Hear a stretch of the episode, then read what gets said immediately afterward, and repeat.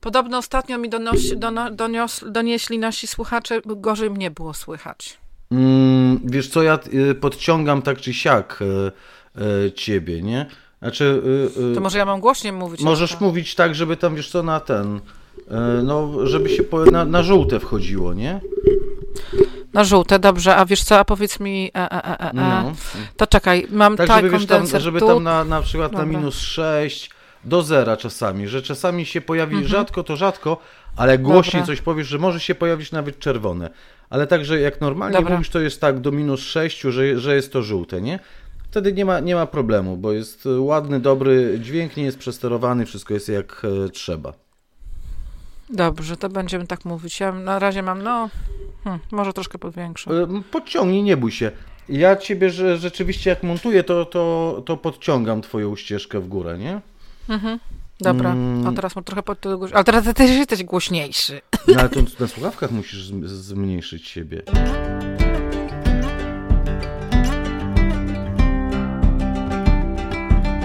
Naturalnie o ogrodach, odcinek 26.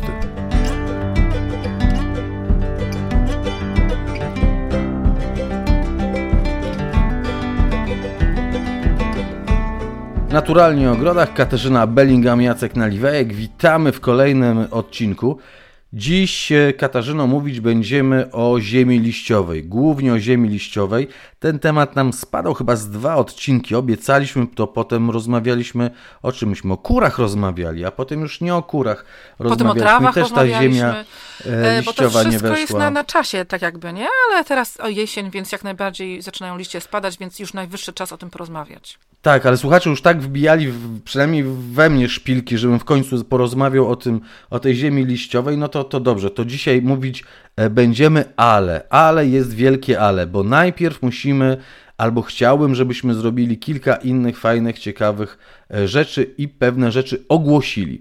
Po pierwsze, taram, taram, taram, e, ogłaszamy, że mamy kanał na YouTubie. Nareszcie mamy kawał na YouTubie. Jeszcze nie wszystkie są na nim odcinku. Ciężko pracujemy nad tym, a w zasadzie mm, e, nasza producentka Iwona Tak. bardzo ciężko nad Ja tym nie pracuje. pracuję nad tym wcale. I jesteśmy bardzo, naprawdę, ja jestem bardzo jej e, e, wdzięczny, bo widzę, jak co wieczór wrzuca kolejne odcinki, przerabia e, na, na, na format YouTube'owy i wrzuca e, na nasz kanał. Szukajcie nas na YouTubie, naturalnie o ogrodach oczywiście.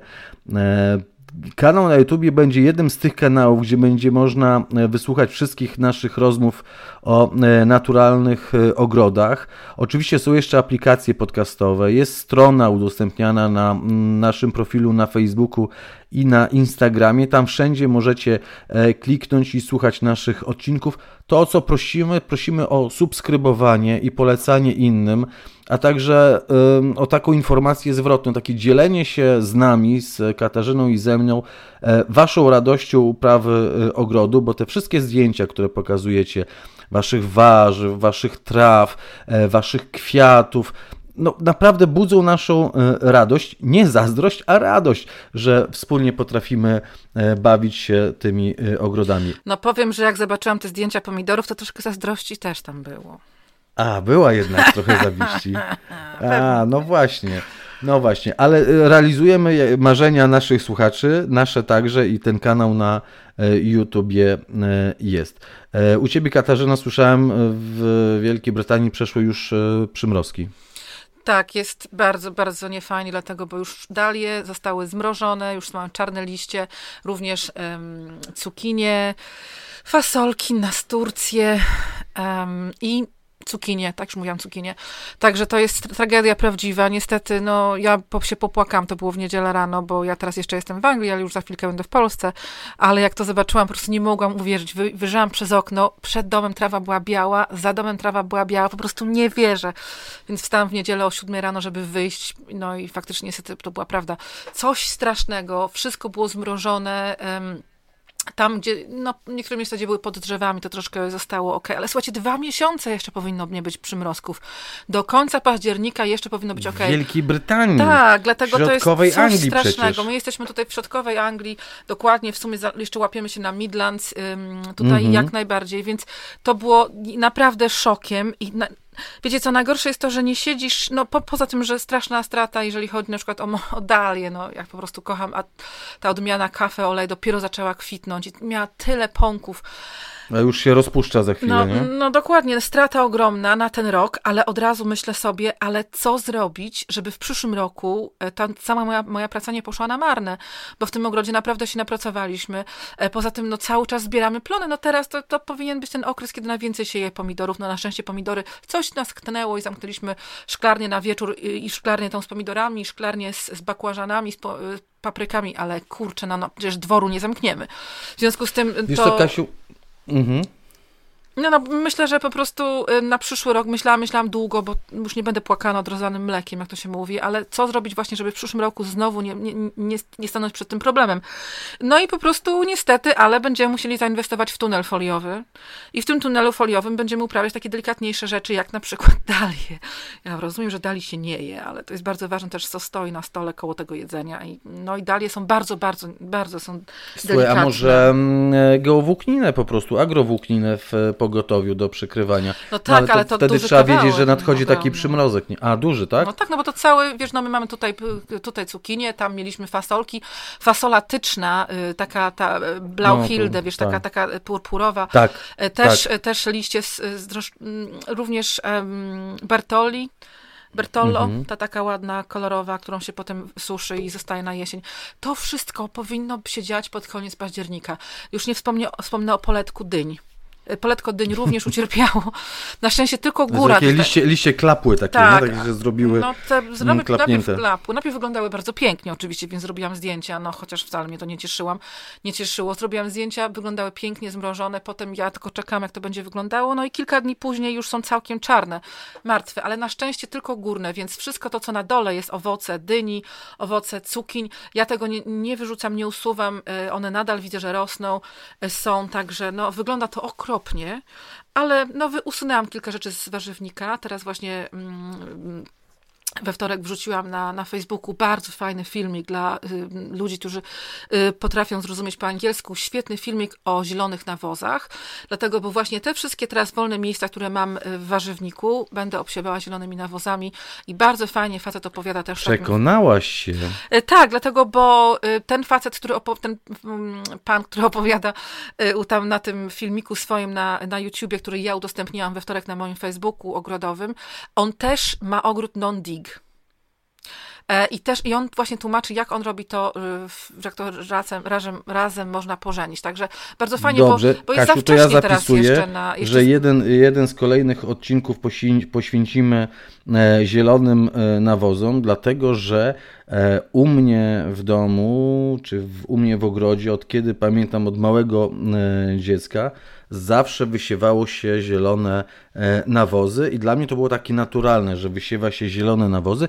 Co prawda przekopuje się te zielone nawozy. Ty wolisz tę e, technologię no dig, czyli bez, bez kopania. Ale okej, okay, umówmy się, że poświęcimy, poświęcimy e, zielonym nawozom jednym z kolejnych odcinków. Zaczepiłem Cię o tę Wielką Brytanię, zaczepiłem Cię o tę Anglię, żeby powiedzieć, że teraz, gdy nagrywamy, to jeszcze jesteś w Anglii. Ty powiedziałeś, że już za chwilę będziesz w w Polsce. Tak, no już, już e, wracasz e, do e, Polski, Jutro bo 15 tak września, tak bo 15 września jest niedziela w Twoim ogrodzie, niedziela z rabatą preriową i to, co napisałaś na Facebooku, że zapraszamy bardzo serdecznie do ogrodu na plenerowy wykład zatytułowany Najpiękniejsze trawy ozdobne i inne byliny na rabacie e, preriowej, które poprowadzi Katarzyna Balingam. Najbliższa niedziela 15 e, e, października 15, e, przepraszam, września, 15 e, e, września, to godzina, która 14, o ile dobrze Czter, pamiętam. Znaczy ja wpisałam tam 14.30 rozpoczęcie wykładu, ale oczywiście ogród otwieram o 12 i już od 12 tam można przychodzić sobie i do szkółki, i do ogrodu jak najbardziej, bo powinien być ładny dzień. Także zapraszamy serdecznie. Ja jeszcze rano w Gdańsku też mam wykład, na który serdecznie zapraszam osoby, które nie mogą przyjechać do mnie albo się nie interesują akurat rabatą preriową, bo będę mówiła o przestrzeniach przestrzeniach też publicznych, e, o tym, jak można naturalnie obsadzać przestrzenie publiczne w mieście, no niekoniecznie w mieście. Także zapraszam e, na Amber Expo na imprezę, na, na imprezę też zatytułowaną Dom, Mieszkanie, Ogród Mhm, to targi, dom, mieszkanie, ogród. Mhm. Tak. E, I, tak, I, twój, i, twój, I twój wykład. Tak, od 11 do 12, a potem lecę y, oczywiście do siebie na wieś, że tak powiem, do mojego ogrodu i o 14.30 na trawniku głównym, tam u góry przy, przy prerii będziemy mogli... Przy ściętym głogu. Y, tak, można będzie sobie usiąść, bo tam organizujemy y, jakieś wiejskie siedzenia w postaci snopków siana, żeby każdy mógł usiąść. Mhm. E, zapraszamy serdecznie, czyli najbliższa niedziela od godziny 12 ogród Katarzyny Bellingham w Zgorzałem e, i wykład o rabacie preriowej. Ja tylko dodam, że e, oprócz Katarzyny ja pojawię się, wpraszam się do Kasi ja się na tę nie wpraszasz, imprezę. pytałam, czy przyjedzie. I jeszcze, I jeszcze chciałbym Państwu polecić spotkanie z dwoma bardzo e, fajnymi osobami, a w zasadzie e, trzema wspaniałymi kobietami. Pierwszą kobietą to jest mama Kasi. Mam nadzieję, że Olga będzie wspomagała w kawiarni. Będzie. Jak najbardziej. Druga to jest Alina. Alina, która jest cudowną ogrodniczką, która E, pomaga Katarzynie w prowadzeniu e, ogrodu tego na co dzień wzgorzałem. Nie Alina, tylko ogrodu, wszystkiego. Wielka, skromna e, osoba, ale, ale o wielkiej wiedzy i wielkim sercu do ogrodnictwa. I bardzo, bardzo pozdrawiamy pracowita. Alinę. Mm, pozdrawiamy. Tak jest. Alina będzie ze mną, podczas wykładu będzie razem ze mną też na, na górze przy prerii. Mhm.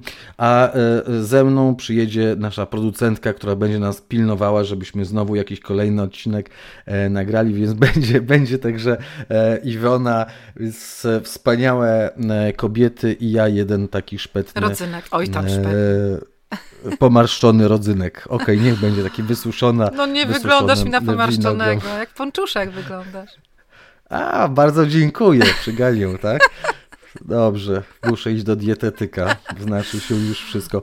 E, przypomnę, wykład o najpiękniejszych trawach ozdobnych i innych, na, innych bylinach na rabaty preriowe, e, to w niedzielę. E, fajnie się składa, dlatego że chciałbym powiedzieć jeszcze, ja już wiem, że ja dochodzę do cały czas ziemi liściowej, drodzy słuchacze. Dochodzimy. Będzie, obiecujemy. Będzie, będzie, ale już, już, już przed tą zimią liściową tylko powiem, że Mm, warto się wybrać, dlatego że duże zainteresowanie było odcinkiem o trawach naszym, tych ostatnim e, Dokładnie. odcinkiem. Tak. Trawy, e, drodzy Państwo, pobiły rekord e, słuchalności. My ten rekord słuchalności to liczymy liczbę odsłuchań danego odcinka w pierwszym tygodniu od jego opublikowania i trawy pobiły wszystko. Takim zaskoczeniem wcześniej było, że kury tak bardzo wyforsowały się E, na e, czoło e, tych rekordów, bo myślałem, że, że, że te kury to jednak nie będzie takiego zainteresowania. Okazało się, że nie, nieprawda. Jest wielkie zainteresowanie kurami, a w tej chwili wielkie, wielkie zainteresowanie trawami, więc nie tylko można nas posłuchać, ale będzie można także na żywo. Dobrze, wystarczy. Tak, zobaczyć wystarczy. też, zobaczyć te trawy, pomacać, zobaczyć jak one pięknie falują na wietrze, bo to jednak jak się przyjdzie samemu zobaczyć, to jest zawsze inaczej. Wszystko będzie można mhm na własne Tym oczy. bardziej, że to jest, to jest e, e, wrzesień, październik, listopad. To są miesiące dedykowane trawom, tak mi się wydaje, bo byłem ostatnio na targach w Renku, gdzie widziałem różnego rodzaju sadzonki i oprócz wrzosów, które, które po prostu tak wyglądały cmentarnie ty, tymi wielkimi mm, no, zestawieniami, e, to królowały trawy. Trawy w pięknych, różnych kolorach, przebarwiające się już tak troszeczkę e, jesiennie. Bardzo dużo traw było, więc rzeczywiście trawy to, jest, to są te najbliższe miesiące. Warto o nich rozmawiać, warto o nich słuchać i warto je oglądać. To co, o ziemi liściowej? Tak, możemy mówić o ziemi liściowej i o liściach ogólnie, tak myślę. O ziemi liściowej i o liściach, tym bardziej, że mamy dwa pytania e, od pani Joli z Rudy Śląskiej. to tak troszeczkę, trochę odpowiadamy na te pytania i trochę mówić będziemy o tej ziemi e, liściowej, bo pani e, Jola e, zadaje takie pytanie, że w poprzednim odcinku, troszeczkę to było wcześniej, wspomnieliśmy o kolejnych tematach i interesuje jej wykorzystanie liści tulipanowca w ogrodzie.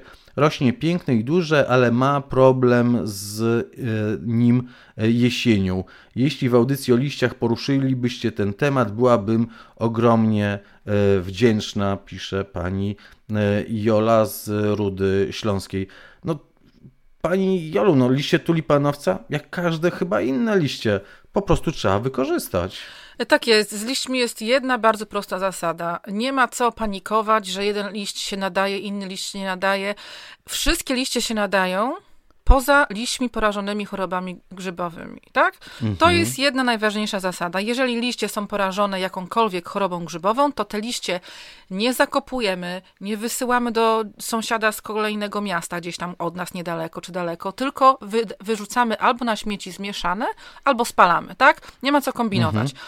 E, także wszystkie pozostałe liście można oczywiście kompostować, z tym, że problem polega na tym, bo niektórzy mówią, że nie można, nie można na przykład kompostować liści dębu lub liści czarnego... Nieprawda. Czarnego... Um, jak to się nazywa? Orzecha, o. Orzecha, orzech czarny. Jugland mhm. nigra. Um, mhm. I to y, też jest nieprawdą, że nie można. Wszystko można, tylko pamiętajmy o tym, że w związku z tym, że niektóre liście mają większe zawartości tanin czy jakichś innych y, um, garbników. Y, tak, garbników czy innych substancji chemicznych, to po prostu one się rozkładają wolniej niż powiedzmy liście brzozy, które poza tym są małe i cienkie, niż liście um, klonów, które też są cieniutkie. No takie liście na przykład dębu, które też kompostujemy, które naturalnie się w naszych lasach przecież też kompostujemy, przecież wszystko, co spadnie na podłogę, to się w końcu przekompostuje tak? Znaczy na podłogę. No nie w domu, na, na podłogę w lesie. Na glebę. na glebę, na ziemię. E, także to wszystko można przekompostować, ale je, najlepszym przepisem Najlepszym przepisem jest oczywiście, jak we wszystkim innym na świecie, balans i zróżnicowanie. Więc jeżeli możecie, drodzy Państwo, to weźcie te wszystkie liście, mieszajcie ze sobą. To wtedy jest najlepiej. I jeżeli chodzi o drugą taką zasadę w ogóle w kompostowaniu, to wszystko kompostuje się szybciej, kiedy jest rozdrobnione, czyli w mniejszych kawałkach. To też jest logiczne. Więc najlepszy, przepis na, na, na dobrą ziemię liściową, żeby w ogóle ją uzyskać y, nie w przeciągu kilku lat, a w przeciągu na przykład roku, to właśnie to, żeby mieszać liście i je rozdrabniać. Ja myślę, że to jest, że to jest taka podstawa i nie, nie ma co się przejmować, że nie można jakichś drzew kompostować. Jeżeli macie Państwo większą ilość na przykład dębów, bo rzadko się zdarza w ogrodach, żeby w ogóle był czarny orzech. Ja już nie widzę czarnych orzechów w, w ogrodach. Ja znam um, kilka podwórek, gdzie taki czarny orzech jeszcze no, rośnie. Ale naprawdę już niewiele, niewiele tego jest, niestety, bo to mhm. piękne drzewo. Um, ale jeżeli macie więcej liści dębów, no to, to, to, to po prostu, tak jak mówię, jeżeli można je po prostu kosiarką Kasiu, ja mam, ja mam doświadczenie. Ja mam doświadczenie, bo u mnie rośnie jeden wielki, ale taki olbrzymi dąb, który bardzo e, rodzi mi mm, liśćmi. E, te liście dębu dosyć późno E, budzą się do życia, to znaczy późno wychodzą i też późno spadają, bo, bo sypią się dosyć długo. To nie jest tak jak z innymi, że choćby klonami, że przyjdzie mróz i, i, i nagle klon jest nagi, wszystkie, drze, wszystkie liście leżą pod drzewem. Nie, dąb powoli gubi te liście, one zostają na tych gałęziach, sypią się, sypią się, a głównie sypią się żołędzie. To już jest inna sprawa i sójki mają zabawę z tymi żołędziami. Ale te liście dębu, one e, spadają zarówno na rabatę, którą mam założoną pod koronami e, drzew, to taka rabata od wschodu, e, trochę cienista, w zasadzie cienista, i na trawnik. I to, co pierwsza rzecz, którą, której chyba powinniśmy powiedzieć słuchaczom, to z tego trawnika zgrabiajmy liście, ale z rabat, jeżeli możemy, to raczej tych liści nie grabmy. Zostawmy je. Tak jak w lesie one spadają, mówiłaś, na ziemię pod e, drzewa, tak samo one na tej rabacie, jak spadną, nie, przesz nie przeszkadzają one, nikomu, one mogą sposób, zostać. One w ten sposób tworzą naturalną ściółkę, naturalną ziemię liściastą, oczywiście jak najbardziej. Jedyne miejsce, z których należy usuwać liście, to jest tak jak mówisz, trawa, ponieważ tam, gdzie będą większe jakieś plamy liści, to potem pod spodem niestety ten trawnik może zgnić i zachorować. Poza tym, no niestety, mm, czasami, pomimo tego, że to jest bardzo fajne przeżycie, ale ciężko się chodzi po ścieżkach, Nie, na no, których też jest tak, dużo, dużo mm, Mhm. czy chodnikach, znaczy drogach, na których jest też dużo liści. I też, jeżeli macie mm, oczka wodne, czy takie nieduże stawy, to też jednak jak tych liści spadnie za dużo, jednego dnia spadną liście, to mogą całkowicie zakryć takie, taką taflę wody na stawie, także o, nie mówię o dużych stawach, nawet by mi do głowy nie przyszło to u siebie zbierać, ale nawet ja nie widzę liści u siebie w ogóle nigdzie w ogrodzie, szczerze mówiąc, ja w ogóle liści nie zbieram, ale jak są mniejsze ogrody, to te liście może są bardziej widoczne, albo na przykład gdzieś pod siatką się zbierze taka kupa, bo akurat wiatr leci w jedną stronę i wszystkie na tą siat- siatkę się przykleją, to oczywiście wtedy można coś z nimi zrobić, ale warto też pozbierać i zamiast na przykład tworzyć ziemię liściową na pryzmach czy w workach, to tak jak mówisz Jacku, po prostu nawet wrzucić ją, na, wrzucić je na rabatę te liście. Ja dostawałam Mhm. kiedyś, myśmy kiedyś przecież e, przywozili ogromne ilości liści z radia, z Radia Gdańsk. Mhm. Na pewno pamiętasz, jakie to były, jakie to były Tak. wyprawy. E, I te liście, to było bardzo śmieszne, bo te liście były zupełnie inne gatunki niż ja miałam u siebie, niż mam u siebie w ogrodzie. To były takie miejskie, wyfikane gatunki, jak na przykład platan. No tam platan, tak. Dokładnie. Był, no właśnie. Także widzisz? to było takie śmieszne, bo ja potem te liście używałam nieprzekompostowane jeszcze, tylko z tych worków. One szły prosto jako ściółka pod na przykład moje żywopłoty. Ja mam, y, teraz to już nie potrzebuję ściółkować mojego żywopłotu z grabu, ponieważ już jest naprawdę duży i on się zagęszcza od samej ziemi, więc tam nawet nie miałabym miejsca, gdzie wcisnąć tą, tą ściółką. Sam już teraz siebie ściółkuję. Ale na początku przez kilka pierwszych lat ściółkowaliśmy i bardzo śmieszna sytuacja była, bo taki jeden pan kiedyś przyjechał tam coś nam pomóc w ogrodzie, chciał i, e, i, mm, i po pierwsze był bardzo zdziwiony, że mamy w ogóle liście platan, platanu pod, pod grabem, a potem mówi, to co, rozumiem, że moja pierwsza robota to muszę wygrabić te wszystkie liście spod żywopłotu. mówię, niech pan mnie nie denerwuje, bo dopiero co je tam wsadziłam. Przywiozłam z Gdańska i wsadziłam. Niech pan mi tam nic nie wygrabia. Także to chociaż nam się wydaje, że coś jest nieporządne, coś jest bałagan i tak dalej, proszę się tym nie martwić, bałagan w ogrodzie nie zawsze jest złą rzeczą, a wręcz bardzo często jest dobrą rzeczą. Więc te liście mogą się od razu bez przekompostowania nadawać do ściółkowania.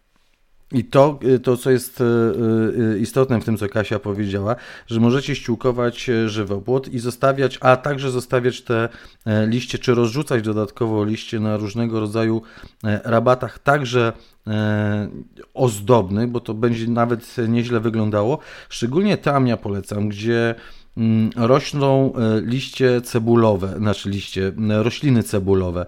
E, Dlatego, że one bardzo fajnie pod tą warstwą e, liści e, przechowają się, zachowają wilgoć i nie przemarzną, bo to będzie też Dokładnie. taka trochę pierzynka dla tych roślin cebulowych, Wszystko dla narcyzów, dla wszystko, tulipanów. prawda, Super, super będzie. Więc to jest, to jest pierwsze zastosowanie e, liści, e, które nam e, spadają jesienią. Drugie zastosowanie, zanim dojdziemy do tej liści, liść, z ziemi liściowej i zanim dojdziemy do tego, jak ją potem wykorzystać, bo to jest ciekawe, jak wykorzystać ziemię liściową, to także polecam tym, którzy mają trawniki, magazynowanie tych liści rozdrobnionych w workach do następnego roku. E, Dlaczego? Dlatego, że jeśli mamy samą trawę, to samą trawę bardzo ciężko jest kompostować, bo ona ma za dużo m, azotu, zbija się i robi się taka bardziej ślizga, Papka. taka, taka mm, Zgniła taka papka miękka. Taka, taka zgniła papka, tak? Dlatego, że ma dużo azotu, a ma mało węgla, taka świeżo e, skoszona e, trawa wyjęta z kosiarki, wrzucona na kompost. I wówczas wyjmujemy te liście z tych e, worków w roku następnym i mieszamy z trawą. I powstaje nam e, doskonały balans pomiędzy e, azotem a węglem. Przewietrza się ta trawa, jest dostęp powietrza, nie skleja się, nie zbija się, i w ten sposób wymieszana trawa i liście fantastycznie się kompostują. E, Tylko mówię, trzeba przechować je przez zimę do następnego roku, do e, koszenia e, trawnika, no bo potem jest też kłopot, co z tą trawą. No to już podpowiadam. Chowamy liście do worków, przechowujemy do następnego roku i mieszamy z trawą. To jest taki drugi sposób, który ja stosuję u siebie, bo staram się tej trawy nie wyrzucać, a już też nie całą trawę e, przeznaczam na ściółkowanie, bo, bo te świeże e, ścinki cienką warstwą rozkładam i mam ściółkowane, ale zmieszane z liśćmi także na e, kompostowniku świetnie to się sprawdza. Jak najbardziej. Można jeszcze tak robić, że w ogóle kosząc trawę w sezonie, jeżeli kosimy ją dosyć często, co tydzień powiedzmy, mhm.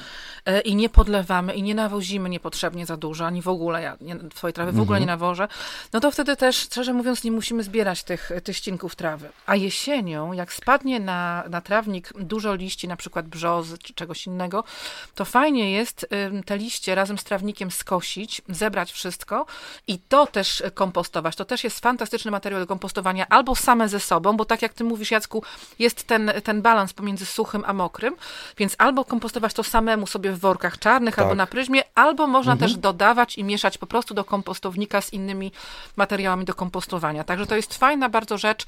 Um, to jest wszystko nam potrzebne. Proszę tego przede wszystkim nie palić. Nie palić i nie wyrzucać. E, powiedziałaś bardzo ważną rzecz o tym zbieraniu. Ja mam apel, wielki apel do e, wszystkich e, moich sąsiadów, sąsiadów naszych słuchaczy, Twoich sąsiadów, do, do wszystkich. Zanim zainwestujemy w odkurzacze do liście, zanim zainwestujemy w jakieś dmuchawy do liści, dobrze się zastanówmy, czy ten hałas jest nam potrzebny. Czy my musimy naprawdę odkurzać liście, czy musimy ganiać te liście na jakąś kupę, hałasując sąsiadom, ja na szczęście nie mam takiego sąsiada, hałasując sąsiadom e, i, i robiąc wielkie zamieszanie. Dużo lepiej i fajniej i nie męcząc się, jest po prostu zebrać te liście kosiarką, normalną kosiarką elektryczną czy spalinową. Przy okazji, tak jak mówisz, ścinając, przygotowując trawę e, do e, zimy, czyli wysoko kosząc, ale ścinamy te wierzchołki trawy. Dzięki temu do tych liści, które już są przemielone przez noże e, kosiarki i zebrane do kosza, dostają się ścinki trawy, czyli do tego węgla zawartego w liściach dostaje się azot z trawy i już może się rozpocząć proces kompostowania. Oczywiście i to fantastycznie szybko się rozpocznie, ponieważ to wszystko jest przemielone i jest w malutkich kawałeczkach, tak. także to też jest e, totalny przepis na, przepis na sukces. A ja chciałam powiedzieć, jak już mówimy y, o tym okropieństwie, którym jest właśnie są te odkurzacze liści. Po pierwsze, mhm. no po pierwsze, to jest zazwyczaj takie troszkę macho, prawda? Bo to jest mhm. duży silnik, bardzo szybko można zobaczyć, jak to y, pięknie wygląda, ale nie.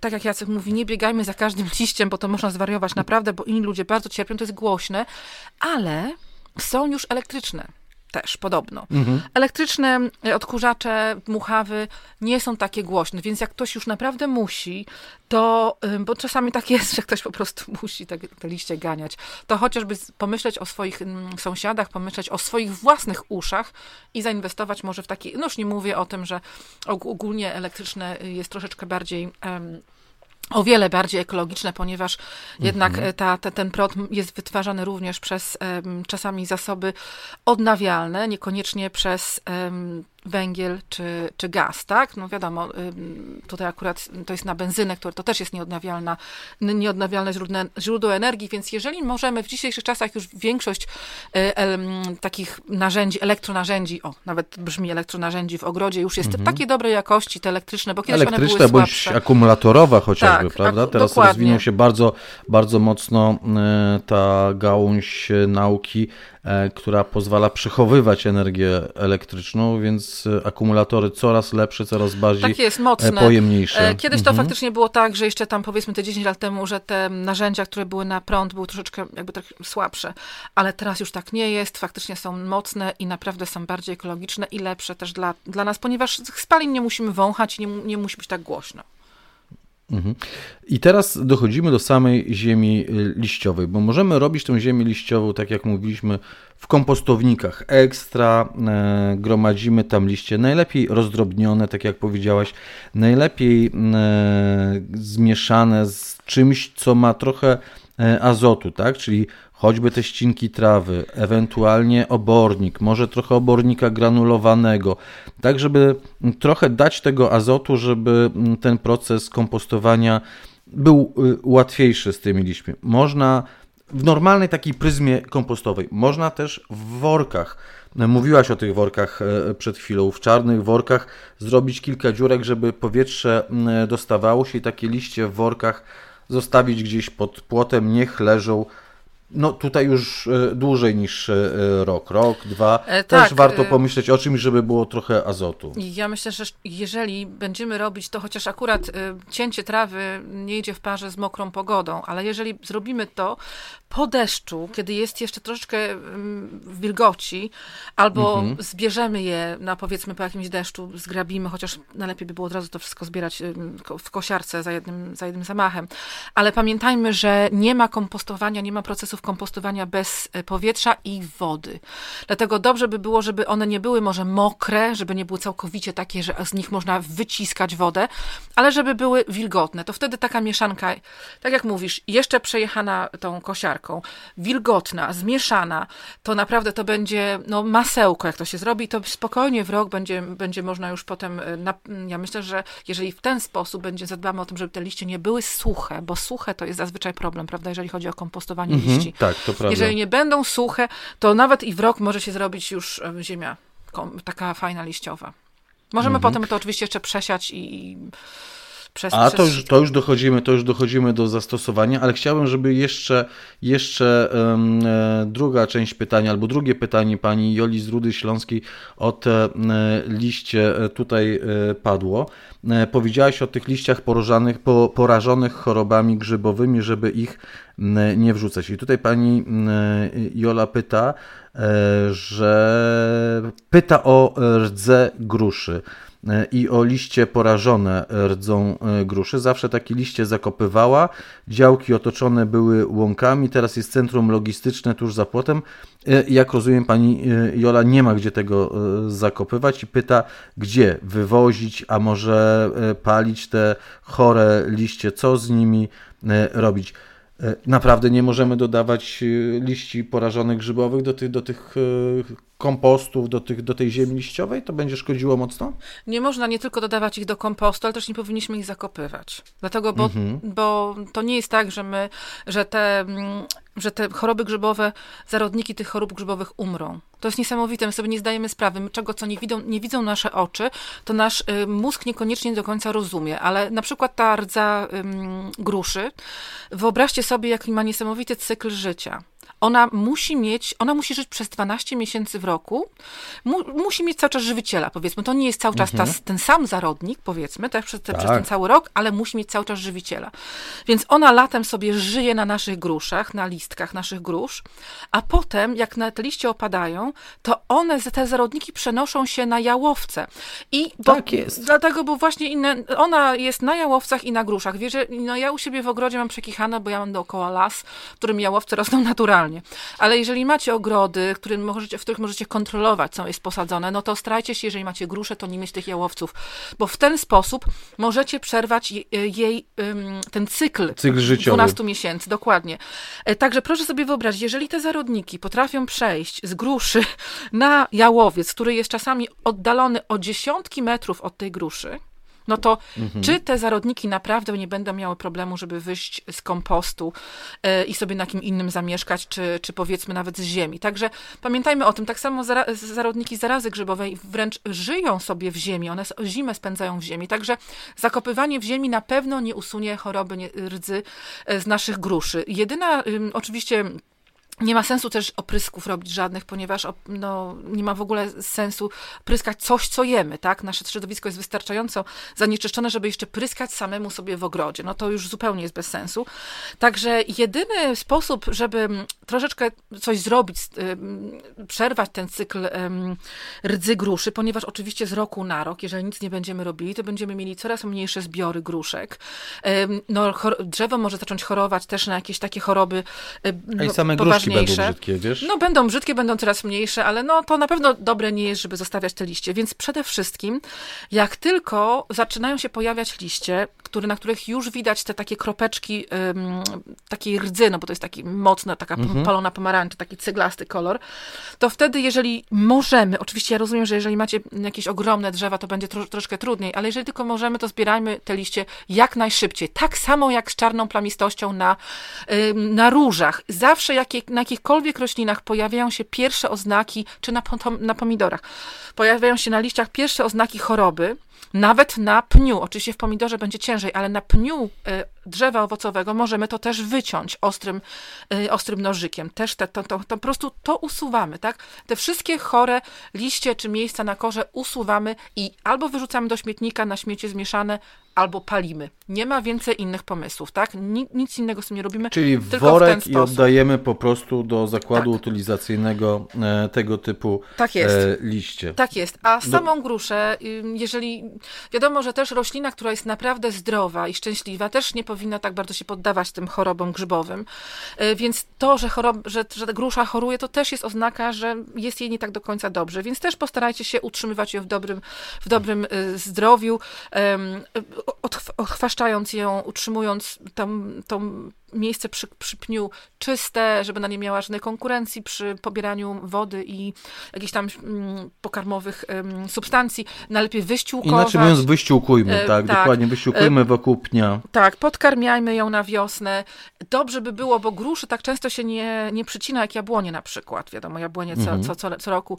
Dobrze by było też prześwietlić tą gruszę, żeby pomiędzy, potem jak już liście wyjdą na wiosnę, żeby pomiędzy gałąziami, pomiędzy liśćmi był swobodny przepływ powietrza, bo wtedy wtedy jakiś swobodny, swobodny przepływ powietrza, to też te choroby grzybowe tak łatwo się tam nie zagnieżdżają. Także dbać o ogólny stan zdrowia tej, tej gruszy. No i przede wszystkim spróbować przerwać ten cykl e, tego, że ona może przez te, przez te 12 miesięcy te zarodniki w jakiś sposób żerować na czymś. Na, pierwsza rzecz to usunąć jałowca, jeżeli się da.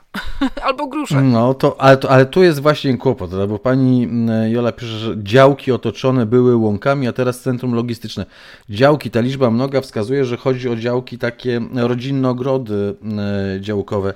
E, więc to nie jest tak, że wystarczy, że pani e, Jola czy, nasz, czy ktokolwiek inny usunie ze swojej działki tego e, jałowca, no bo jeśli sąsiad nie, ma, albo nie. sąsiad dwa razy gdzieś dwie działki dalej ma jałowca, to, to, to, to, wystarczy. Tak jest.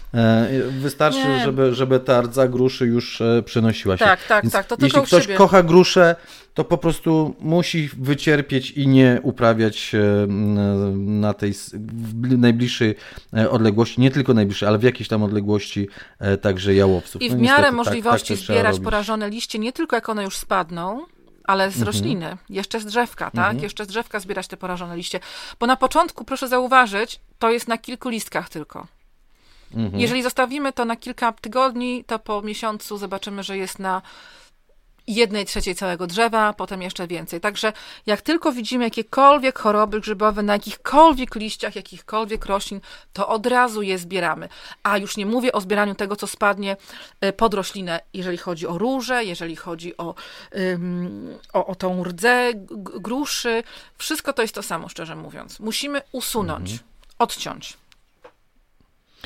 To prawda. To teraz, Katarzyno, mija rok, czasami dwa lata, czasami 3 lata, w zależności. E, I zaglądamy do pryzmy kompostowej, czy zaglądamy do worków e, z naszymi e, liśćmi, tam gdzie miała się wytworzyć ziemia liściowa, i kiedy poznamy, że ziemia liściowa już jest. Wsadzimy do niej rękę, zrobimy palcami tak, jakbyśmy chcieli ją po prostu wziąć do ręki, całą taką garść. I jeżeli będzie sypka, przede wszystkim, tak, i będzie przypominała Jeżeli liście ziemię. będą się rozpadać takie tak. troszeczkę. Nie? Poza tym one, one będą się rozpadać i one będą przypominać normalną ziemię. Tylko taką mm -hmm. lekką, tak? Taką lekką mm -hmm. ziemię, bez, bo powiedzmy bez grudek. E, to wtedy, jeżeli będą się rozpadać pomiędzy palcami, mi się wydaje, że to jest bardzo dobre określenie. Mhm. Że tak ściśniemy i one się po prostu rozsypią, bo czasami jest tak, e, że jest troszeczkę za mało wilgoci, że one nie przegniją, ale e, one wszystko jedno zostanie taka siateczka z tych, z tych liści, ale ściskamy w rękach i rozsypują się. Dlatego e, e, mówiłaś o tym przesianiu, wspomniałaś o tym przesianiu, bo ja tak robię, że jak wyjmuję tę ziemię e, liściową, zanim ją użyję, to kładę na tą taką rafę, na taką mm, siatkę budowlaną, taką do przesiewania E, żwiru na taczkę, wrzucam tam Która ziemi liściową, tak ręką przydatna. przesiewał, przesiewał, przesiewam e, i, i wychodzi taka leciutka, właśnie fantastyczna e, ziemia no tak, bo przecież przesiana te, już po prostu. Czasami te ogonki liście się dłużej kompostują, więc już nie mhm. będziemy dla samych ogonków trzymać, czekać jeszcze kilka miesięcy, kiedy mhm. akurat nadeszła powiedzmy wiosna i możemy tą ziemię użyć, prawda? No, do, dokładnie tak. I teraz, do czego używać ziemię liściową? Przede wszystkim pamiętajmy o dwóch rzeczach. Ziemia liściowa nie jest ziemią, tak, tylko jest bardzo lekką, delikatną próchnicą, fantastyczną y, materią organiczną. Po to jest pierwsza rzecz. Druga rzecz, pamiętajmy o tym, że jest na wagę złota, więc nie ma co szaleć, bo bym mhm. powiedziała w ten sposób. Przede wszystkim jest fantastyczna w mieszankach do donic, albo do przesadzania roślin doniczkowych, czy w domu, czy w ogrodzie, albo do robienia mieszanek właśnie do wysiewu i do sadzonkowania. Jest po prostu To znaczy, daj przepisy. No, w ogóle można do samej ziemi y, liściowej wysiewać nasiona, ponieważ jest bardzo lekka. Mm, czasami tak się zdarza, że kupujemy podłoże w sklepie ogrodniczym i jest takie, prawda, mokre, e, takie, no... Zlewne takie. Dokładnie. No. A to się nie zdarzy i dlatego dodajemy na przykład wermikulit, perli, tak, czy, czy jakiś taki mhm. drobny piach, żeby, żeby to... rozluźnić. Dokładnie, rozluźnić. Nie będzie, takiego, nie będzie takiego problemu w ogóle z ziemią liściową. Także no, fantastyczna ziemia liściowa jest do, właśnie do wysiewów, e, do wysiewów nasion i wydaje mi się, że to jest podstawa przede wszystkim.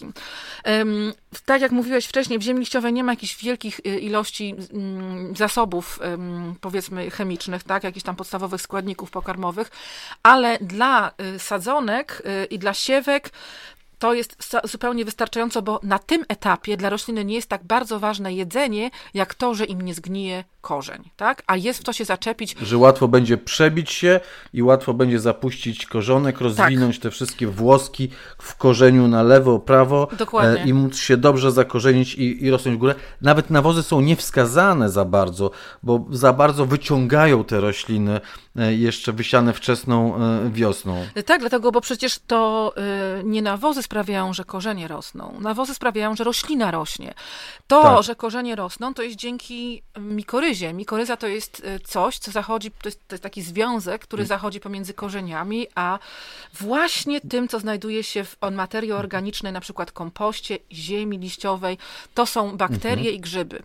I to jest w tym momencie bardziej potrzebne, więc dla, w związku z tym na przykład taka ziemia liściowa, nawet jeżeli jej mamy malutko, to możemy ją pomieszać powiedzmy pół na pół z jakimś podłożem ze sklepu albo z jakimś um, żwirem, tak? Czyli takim mhm. miałkim, miałkim um, żwirem budowlanym. To jest bardzo dobry materiał dla ogrodnika, szczerze mówiąc. Także nawet jak dodamy tylko troszeczkę, to po, poza tym, że to będzie fajna materia, w której faktycznie fizycznie będziemy coś siać czy sadzić, to poza tym ona ma takie mm, właściwości, że pomaga tym korzeniom rosnąć, tak jak mówiłeś przed chwileczką, rozwijać te swoje włoski, żeby, im, no oczywiście im więcej korzeń będzie miał włosków, tym po, potem mhm. może więcej pobierać składników pokarmowych i wody, dzięki temu będzie rosła roślina do góry. Ale tak jak mówisz bardzo słusznie, nawozy w tym momencie są wcale nieważne, wręcz odwrotnie, dlatego można spokojnie wysiać nasiona w, w, w, w piasku czy w żwirze. Zauważcie, jak dobrze się wysiewa wszystko w, w ogrodach żwirowych. Świetnie się sadzonkuje w samym e, żwirze. To mówiliśmy o, w odcinku o sadzonkowaniu. To znaczy, że niepotrzebna do tego, żeby sadzonki zielne, czy zdrewniałe, czy półzdrewniałe wypuściły korzenie, wcale niepotrzebna jest żyzna gleba. W samym żwirku, doniczka wypełniona żwirkiem, wsadzone po brzegu doniczki e, ścięte kawałki jakiejś rośliny świetnie wypuszczą korzenia, właśnie dlatego, że jest tam żwirek, że jest wilgoć i powietrze. Te dwa czynniki, które dają szansę przeżycia roślinie. Ale dzięki temu, że to jest otwarta struktura, to tego nie ma za dużo tej wilgoci, tak nie ma za dużo tej wody, mhm. to jest bardzo ważne. A nie, nie, nie stoi woda. Dokładnie. Nie stoi woda, ale mimo wszystko między ziarenkami ziarenka są wilgotne jest wystarczająco wilgoci, tak wilgoć. Jest. Tak. I dopiero mhm. wtedy, jak one fantastycznie się rozwiną, te korzenie, to dopiero wtedy one mówią, o dobra, teraz bym coś zjadł. I wtedy tak. my przesadzamy już je do dziewiątek, tak. czyli do tych takich większych doniczek, czy do multiplatów, już z ziemią ogrodniczą, czy z jakimś podłożem ogrodniczym, w którym już są składniki pokarmowe, czyli przede wszystkim ten azot, azot, fosfor, potas, tak, i tam inne mhm. mikroelementy. Także dopiero wtedy, wtedy to jest ważne. Ziemia liściowa Czyli mamy pierwsze zastosowanie mamy pierwsze zastosowanie ziemi liściowej do wysiewu, a mówiłaś, że dobre zastosowanie ziemi liściowej to jest do roślin doniczkowych, czyli przy przesadzaniu wiosennym e, roślin do większych e, doniczek. I także, e, jak rozumiem, ta ziemia liściowa zmieszana z inną ziemią. Jak najbardziej, bo tutaj akurat już korzenie są, prawda, już one potrzebują coś jeść, więc nie mogą być tylko i wyłącznie w ziemi liściowej, poza tym szkoda jej na miłość boską, więc wtedy już mieszamy tą ziemię liściową najlepiej Ja bym tak chciała w takim świecie wymarzonym, żeby pomieszać taką ziemię liściową na przykład z ziemią z kretowiska, dlatego, bo to jest prawdziwa ziemia, bo to podłoże ogrodnicze, które kupujemy w sklepach, to jest oczywiście nic innego jak chwaszony torf, który po pierwsze, o, już nie mówię o tym, jakie to jest bardzo nieekologiczne wydobywanie tego torfu, jak bardzo niszczymy piękne, um, piękne środowisko naturalne, ale z drugiej strony nawet już nie mówiąc o tym, nie jest to taki świetny produkt, ponieważ bardzo czasami jak nam wyschnie, to potem też można go no, przecież właśnie. siekierą, prawda, rąbać. To nie jest coś takiego też fantastycznego, więc ja bym wolała w donicy widzieć mieszankę właśnie ziemi liściowej i wtedy ta ziemia liściowa nie musi być już taka mocno przesiana, już taka miałka, jak na przykład do wysiewania, prawda? Już może być nawet, nawet im jakieś tam, mm, mogą być w nich badylki, jakieś tam ogonki, nic się nie stanie, one się tak rozłożą, ale wtedy dobrze by było to pomieszać na przykład właśnie z ziemią z kretowisk. Ja uwielbiam ziemię z kretowisk, bo to jest z kretowisk, bo ona jest z głębi, nie ma w niej nasion, e, chwastów, bo ten kret przecież to wypycha z jakichś takich niższych, troszeczkę e, niższych poziomów. To nie jest to taka w, w ziemia na, same, na samej górze. Oczywiście można dodać też troszeczkę podłoża takiego torfowego, można wszystko pomieszać, najważniejsze, żeby była przepuszczalna też, żeby potem nie robiła się taka, taki osad, bo czasami jak, jak ona nie jest przepuszczalna w roślinach. Ja mówię o roślinach domowych często, bo ja zawsze przypominam, że jednak uprawa tych roślin domowych na parapecie jest trudna, bo to nie jest, one nie są w naturalnych takich warunkach, gdzieś tam na dworzu, na wiaterku, na deszczyku, biedroneczka, mróweczka i te sprawy, tylko są w domu na parapecie, wiecie, opary z kuchni, y, czasami nie, nie daj Boże dym z papierosów i tak dalej, i tak dalej. Także y, dbajmy o te rośliny na parapetach jeszcze bardziej niż na rośliny na zewnątrz, bo jest, są, są, są trudniejsze w uprawie, łatwiej mogą, że tak powiem, paść. Mhm. A e, teraz e, pójdźmy wodze fantazji. Wyobraźmy sobie, że mamy bardzo dużo ziemi e, liściowej, że mamy jej zgromadzonej rzeczywiście dużo, że przywieźliśmy od sąsiadów, przywieźliśmy, nie wiem, z firmy, która grabi liście, bo nie może być żadnego listka i w worki, tak jak ty woziłaś i ja woziłem swego czasu z radia. I mamy tej ziemi bardzo dużo i możemy ją po prostu szastać na lewo i prawo. To ja ja wiem, że ty preferujesz tą no dig, ale to jest świetna ziemia do e, zasilenia e, czy rozluźnienia ziemi pod e, warzywa korzeniowe. Właśnie dlatego, że ona nadaje lekkości tej glebie i zmieszana z glebą świetnie komponuje się z roślinami korzeniowymi, tym bardziej, że to trzeba wiedzieć, rabaty na warzywa korzeniowe nie zasilamy obornikiem i nie zasilamy e, kompostem, e, broń Boże, bo po pierwsze zaczną rozdwajać się korzenie w marchewce, a po drugie e, taka, taką świeży obornik i świeży kompost bardzo uwielbiają te wszystkie muszki, śmietki i inne połyśnice, które zlatują się, zlatują się do E, dlatego też nie podlewamy gnojówkami na przykład, tak? E, e, warzyw korzeniowych, bo te wszystkie połyśnice zlatują się wówczas zwabione tym zapachem i mamy zagwarantowane robaczywe warzywa korzeniowe. Więc jeśli ktoś ma więcej, może sobie pozwolić na taką fantazję. Ja sobie pozwoliłem kiedyś dwa lata chyba e, temu na to, żeby zmieszać ziemię liściową. Cudownie rosły wtedy, mówię Ci, marchwie, pietruszki, cudownie. Jak najbardziej, tylko że zupełnie nie ma y, po, potrzeby jej mieszać, bo ona i tak się zmiesza. Jeżeli wyrzucimy na jesień, właśnie teraz to tak się koło zamyka, wróćmy do tych nawozów zielonych. Dlaczego ja teraz używam nawozów zielonych, a nie na przykład, akurat dlaczego teraz? Dlatego, bo zrobiło się dużo miejsca wolnego na rabatach wzniesionych, a nie chcę jeszcze układać na nich ściółki, tak? Bo jeszcze troszkę jest, już poza tym, poza wszystkimi innymi fantastycznymi zaletami, jakie, jakie mają nawozy zielone, ściółki i tak jeszcze nie chcę rozkładać na, na rabatach. Um, ale dlatego i tą ściółkę później na wszystkich moich rabatach rozkładam e, ko koło października, no dosyć grubo, jakieś 5 cm mm, powiedzmy przynajmniej, ale nawet do 10.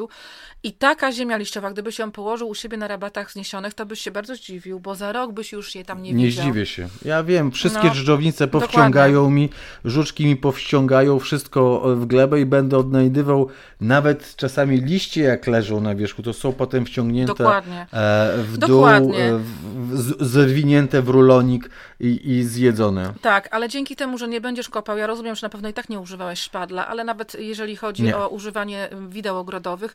Dzięki temu, że nie będziesz kopał, to nie będziesz e, na, w górę ziemi, na tą górną warstwę ziemi wyrzucał nasion y, roślin, chwastów właściwie, które są nam niepotrzebne zupełnie z jakichś dolnych partii. Nie będziesz rujnował budowy tej, tej, tej ziemi i też nie będziesz, wiesz, e, pozwalał, żeby nadmiernie wyparowywało z niej wilgoć. To jednak y, ja jakoś tak w ogrodnictwie idę, mam taką intuicję w niektórych sprawach w życiu i jakoś mi to leży, to ten non-dig. Jakoś to ma, ma sens.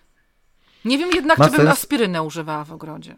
A to dojdziemy, do tego pytania jeszcze dojdziemy. Jeszcze, jeszcze, chwilę, jeszcze chwilę przy ziemi liściowej. Dzisiaj, dzisiaj jeszcze na dwa pytania odpowiemy e, naszych e, słuchaczy. Kasia zdradziła tę aspirynę. Tak, to będzie ostatnie pytanie, na które będziemy e, e, odpowiadali. Ściółkowanie ziemią liściową także jest bardzo e, fajne, szczególnie Jak tych roślin, które, które lubią mieć wyściółkowane i nie y, tolerują specjalnie chwastów obok siebie, bo za chwilę zaczynają protestować i to e, okazują całą, całym jestestwem to.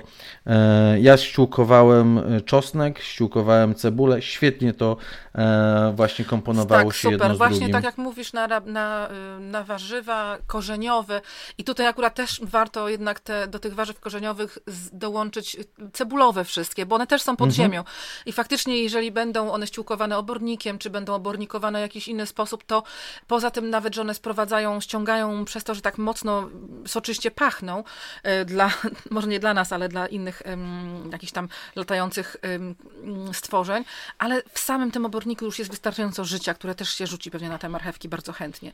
Także bardzo dobry pomysł właśnie, żeby ściółkować taką lekką ziemią liściową em, rabaty czy zagony z, z warzywami korzeniowymi i cebulowymi. Mam nadzieję, że e, wyjaśniliśmy dużo na temat e, zagospodarowania liśmy, liści. Liście grabmy z trawnika, usuwajmy ze ścieżek, bo można się poślizgnąć i rozbić głowę, ale tam, gdzie możemy, zostawmy na rabatach, zostawmy e, ozdobnych. Niech, niech do tej wiosny sobie zgniją i też nie usuwajmy potem wiosną. Nie wygrabujmy do czarnej, gołej ziemi, bo to, jak często podkreślamy tutaj to, co Katarzyna e, opowiada, ważne jest to, żeby gleba miała ściółkę, bo nigdzie e, gleba nie leży po prostu goła, czarna, wygrabiona, Ona bardzo tylko szybko zaraz coś się pokrywa czymś. Po prostu. Ona, No się, właśnie. ona się pokryje. Czymś musi się pokryć. Albo ściółką ją pokryjemy, albo ona się pokryje chwastami. Tak no jest. taki, taka jest natura.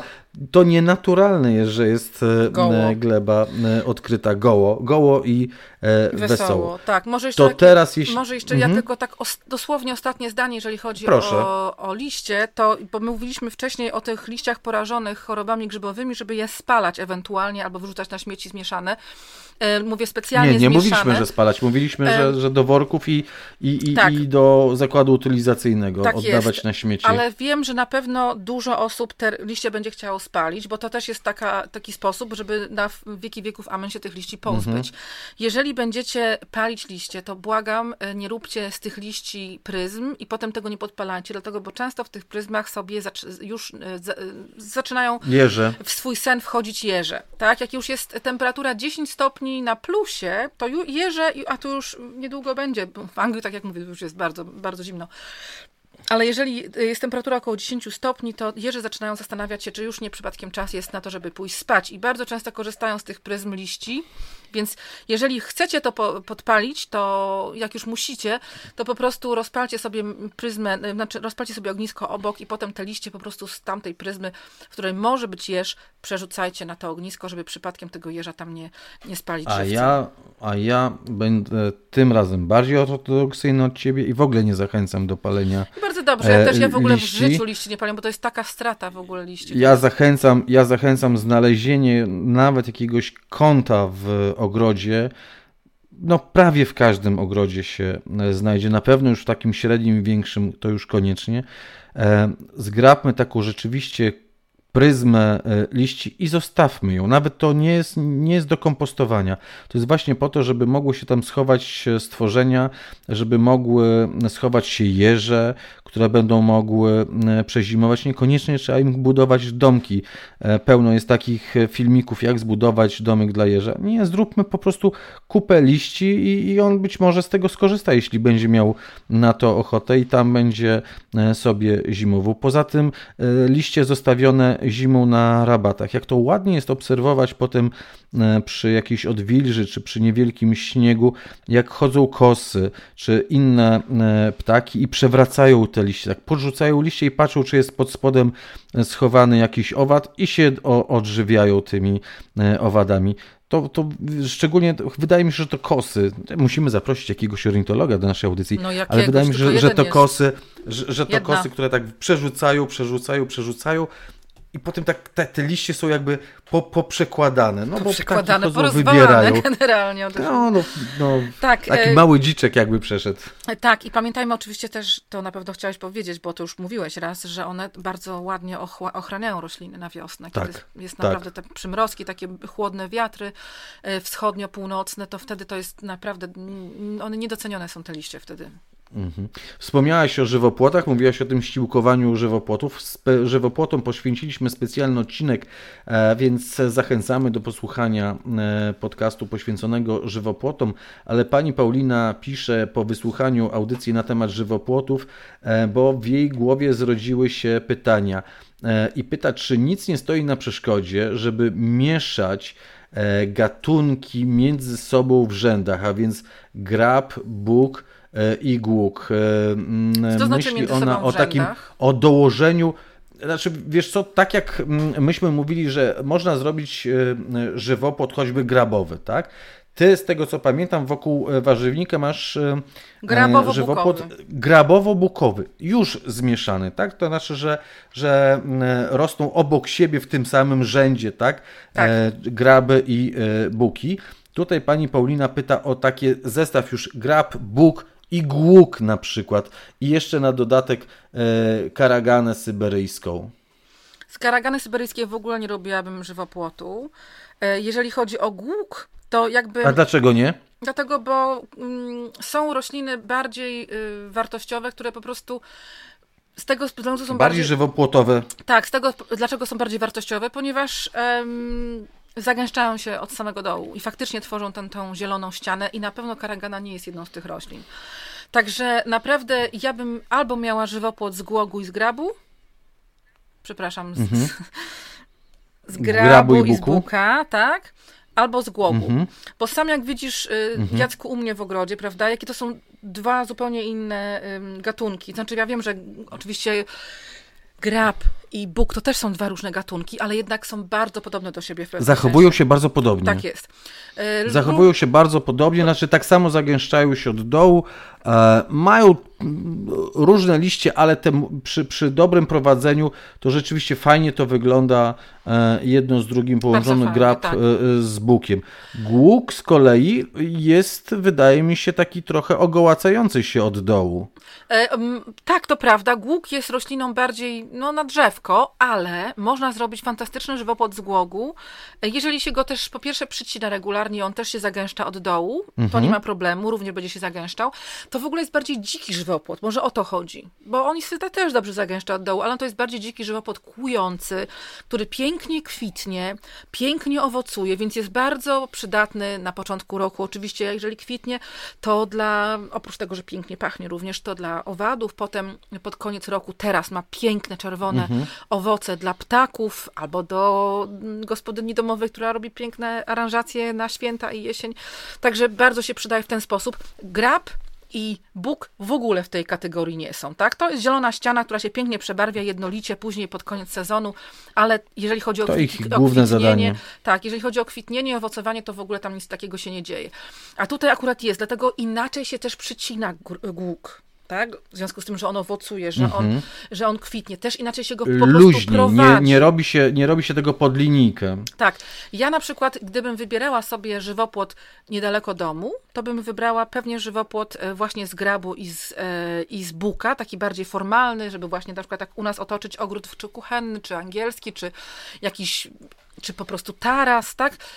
Jakoś tak lubię, że im bliżej domu, tym bardziej formalnie, a taki na przykład żywopłot z głogu użyłabym na granicy działki, tak? Gdzieś tak troszkę dalej. Em, Może niekoniecznie z przodu, przy drodze, bo tam też trzeba być, prawda, elegancko, ale na przykład na wszystkich innych trzech stronach, powiedzmy, że mamy jedną stronę od, od jak to zazwyczaj tak jest, prawda, jedna strona od drogi i pozostałe trzy strony są od sąsiadów, czy od jakiegoś pola, to wtedy jak najbardziej ten y, głuk można w ten sposób wykorzystać, w taki najprostszy sposób, tak, to, to powiedziałam.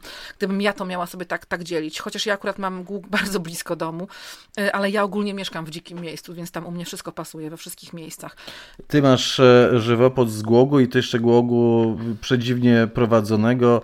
E, David ściął, David e, ogrodnik z środkowej e, Anglii ściął tak e, tobie żywopłot, że ja nie wierzyłem, że on Ja w ogóle przetrwa. Myślałem, że, że, że na, na włosku wisi na kawałku kory e, całe, całe drzewka pościnane, położone e, na bok, ale jednak e, ta kultura ogrodnicza brytyjska e, zadziwia nadal e, nas, Polaków, a przynajmniej mnie zadziwia i, i, i dodaje wiary w to, że e, są ludzie tak mądrzy, że trzeba po prostu patrzeć z otwartymi ustami na to, co robią i zaufać im. E, I, i, I to, co u Ciebie obserwuję z tym e, żywopłotem e, z głogu, który w tym roku tak pięknie zakwitł i tak pięknie owocuje e, po właśnie, po właśnie ścięciu, że po prostu no, szapoba, szapoba dla e, doświadczenia e, ogrodników e, angielskich. To co, No, to tak. kolejne pytanie, bo już dochodzimy do aspiryny, czyli do końca naszej audycji, bo pani Ewa e, napisała, że znalazła informację o podlewaniu warzyw rozpuszczoną aspiryną. Nie wie, co o tym myślę, czy to jest bezpieczne dla nas i dla e, owadów. Pozdrawiam i dziękuję za wspaniałe podcasty. E, Z panią Ewą wymieniłaś tam e, informacje na naszej e, stronie facebookowej. No co sądzisz o tej aspirynie, powiedz? No to znaczy, to wygląda tak, że faktycznie w aspirynie głównym składnikiem to jest, y, mm, to jest coś, co pochodzi z wierzby, bo tak jak zawsze opowiadam podczas y, prze, przechadzania się po moim ogrodzie, jak- jesteśmy w ogrodzie ziołowym, to o tym, że naturalnie jedną z takich, z takich środków w dawnych czasach na ból to właśnie była kora wierzby, y, salix, to jest salicylowe Ym, i faktycznie to jest w aspirynę, to jest Kwas salicylowy. tak, to jest Mhm. głównym składnikiem aspiryny. Niemniej jednak mm, podejrzewam, że tam są również inne składniki, które stwarzają, że ta aspiryna wygląda nie jak wierzba, tylko jak biała tabletka. Także wydaje mi się, że ym, może i niekoniecznie w ogrodzie ekologicznym ja jednak tę aspirynę bym używała, ale ogólnie z tego co widzę, pisze się, że niektórzy ludzie używają. Ja og- ogólnie wola, wolę prowadzić ten mój ogród bardziej naturalnie, takimi normalnymi sposobami, e, właśnie używając ziemi liściowej, używając materii organicznej. Trzymać się tak troszkę bardziej natury. E, Wydaje mi się, że może być w tej aspirynie sporo składników całkiem chemicznych. Mhm. I nie ma co kombinować. A, dokładnie, e, tak. Bardzo dziękujemy e, Państwu za te pytania. Nie na wszystkie odpowiadamy, nie na wszystkie odpowiadamy e, od razu. Staramy się tak komponować nasze rozmowy dzięki także Państwa pytaniom, które są dla nas inspiracją, żeby potem te odpowiedzi na Państwa pytania wplatać w nasze audycje. Mam nadzieję, że jesteście cierpliwi i, i ci, którzy zadają pytania, w końcu doczekają się także odpowiedzi na swoje e, pytania. Bardzo serdecznie dziękujemy. Zapraszamy 15 niedzielę, tak września. Do w najbliższą zobaczenia. niedzielę już od godziny 12 do ogrodu Katarzyny Bellingham. Ogród, ogród e, Bellingham w Google można wklepać ogród Bellingham. Powinno wyskoczyć, e, nie wiem, zgorzałe ogród e, Kasia, Katarzyna Bellingham. Wystarczy wpisać to ogród wszystko Kasi jest? Bellingham i będzie, Mhm. pokażę wam dokładnie jak dojechać, chociaż jak to, jak to jest z nawigacjami, czasami prowadzą one przez em, basen sąsiada. Um, skieru, jeżeli, jeżeli zapamiętacie, to kierujcie się do nas przez Smokowo.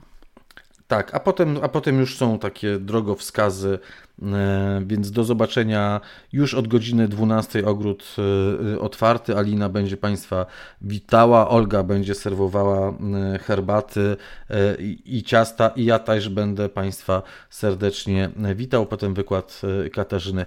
Przypominam o tym, że jesteśmy już na YouTubie, to już na zakończenie jeszcze raz przypominam, że jesteśmy na YouTubie, mamy swój kanał na YouTubie, jeszcze nie wszystkie odcinki, ale wkrótce już będą wszystkie. Proszę uwierzyć, dajcie nam jeszcze kilka dni, a będą wszystkie. Jeżeli ktoś lubi tę formę YouTube'ową, to, to zapraszamy. A kiedyś będą e... filmy, prawda? Katarzyno, rozwijamy się. Chciałem powiedzieć, że ty obiecujesz książkę. E, ostatnio, o, o, ostatnio, ostatnio e, żegnając się z e, Radiem Gdańsk, napisałaś na, na Facebooku, że oddajesz się podcastom i pisaniu książki. Więc tutaj podcasty tak, sprawdziłem, wszystko to prawda. nagrywamy, to teraz czekam na ten drugi ruch na książkę. Widzisz, Jacek potrzebuje kierownika producenta. Tak, to się tak nazywa, dobrze, w dzisiejszych czasach. Słuchaj, napiszemy tę książkę razem, naprawdę. Wiesz, ja myślę sobie, że takie rozmowy, które e, toczymy, to może być fajna e, treść e, książki. Jak najbardziej. To co, do usłyszenia mówimy naszym słuchaczom, do zobaczenia w niedzielę i do usłyszenia za tydzień w kolejny czwartek. O czym będzie, a jeszcze nie wiemy patrzymy, co jest za oknem Całkiem i w ten sposób reagujemy. Na nawozach zielonych, bo jednak czas już je wysiewać, jak już. No, może nawet już za późno. A to podyskutujemy. Katarzyna Bellingham, Jacek Naliwajek, Naturalnie o Ogrodach. Do usłyszenia. Do usłyszenia.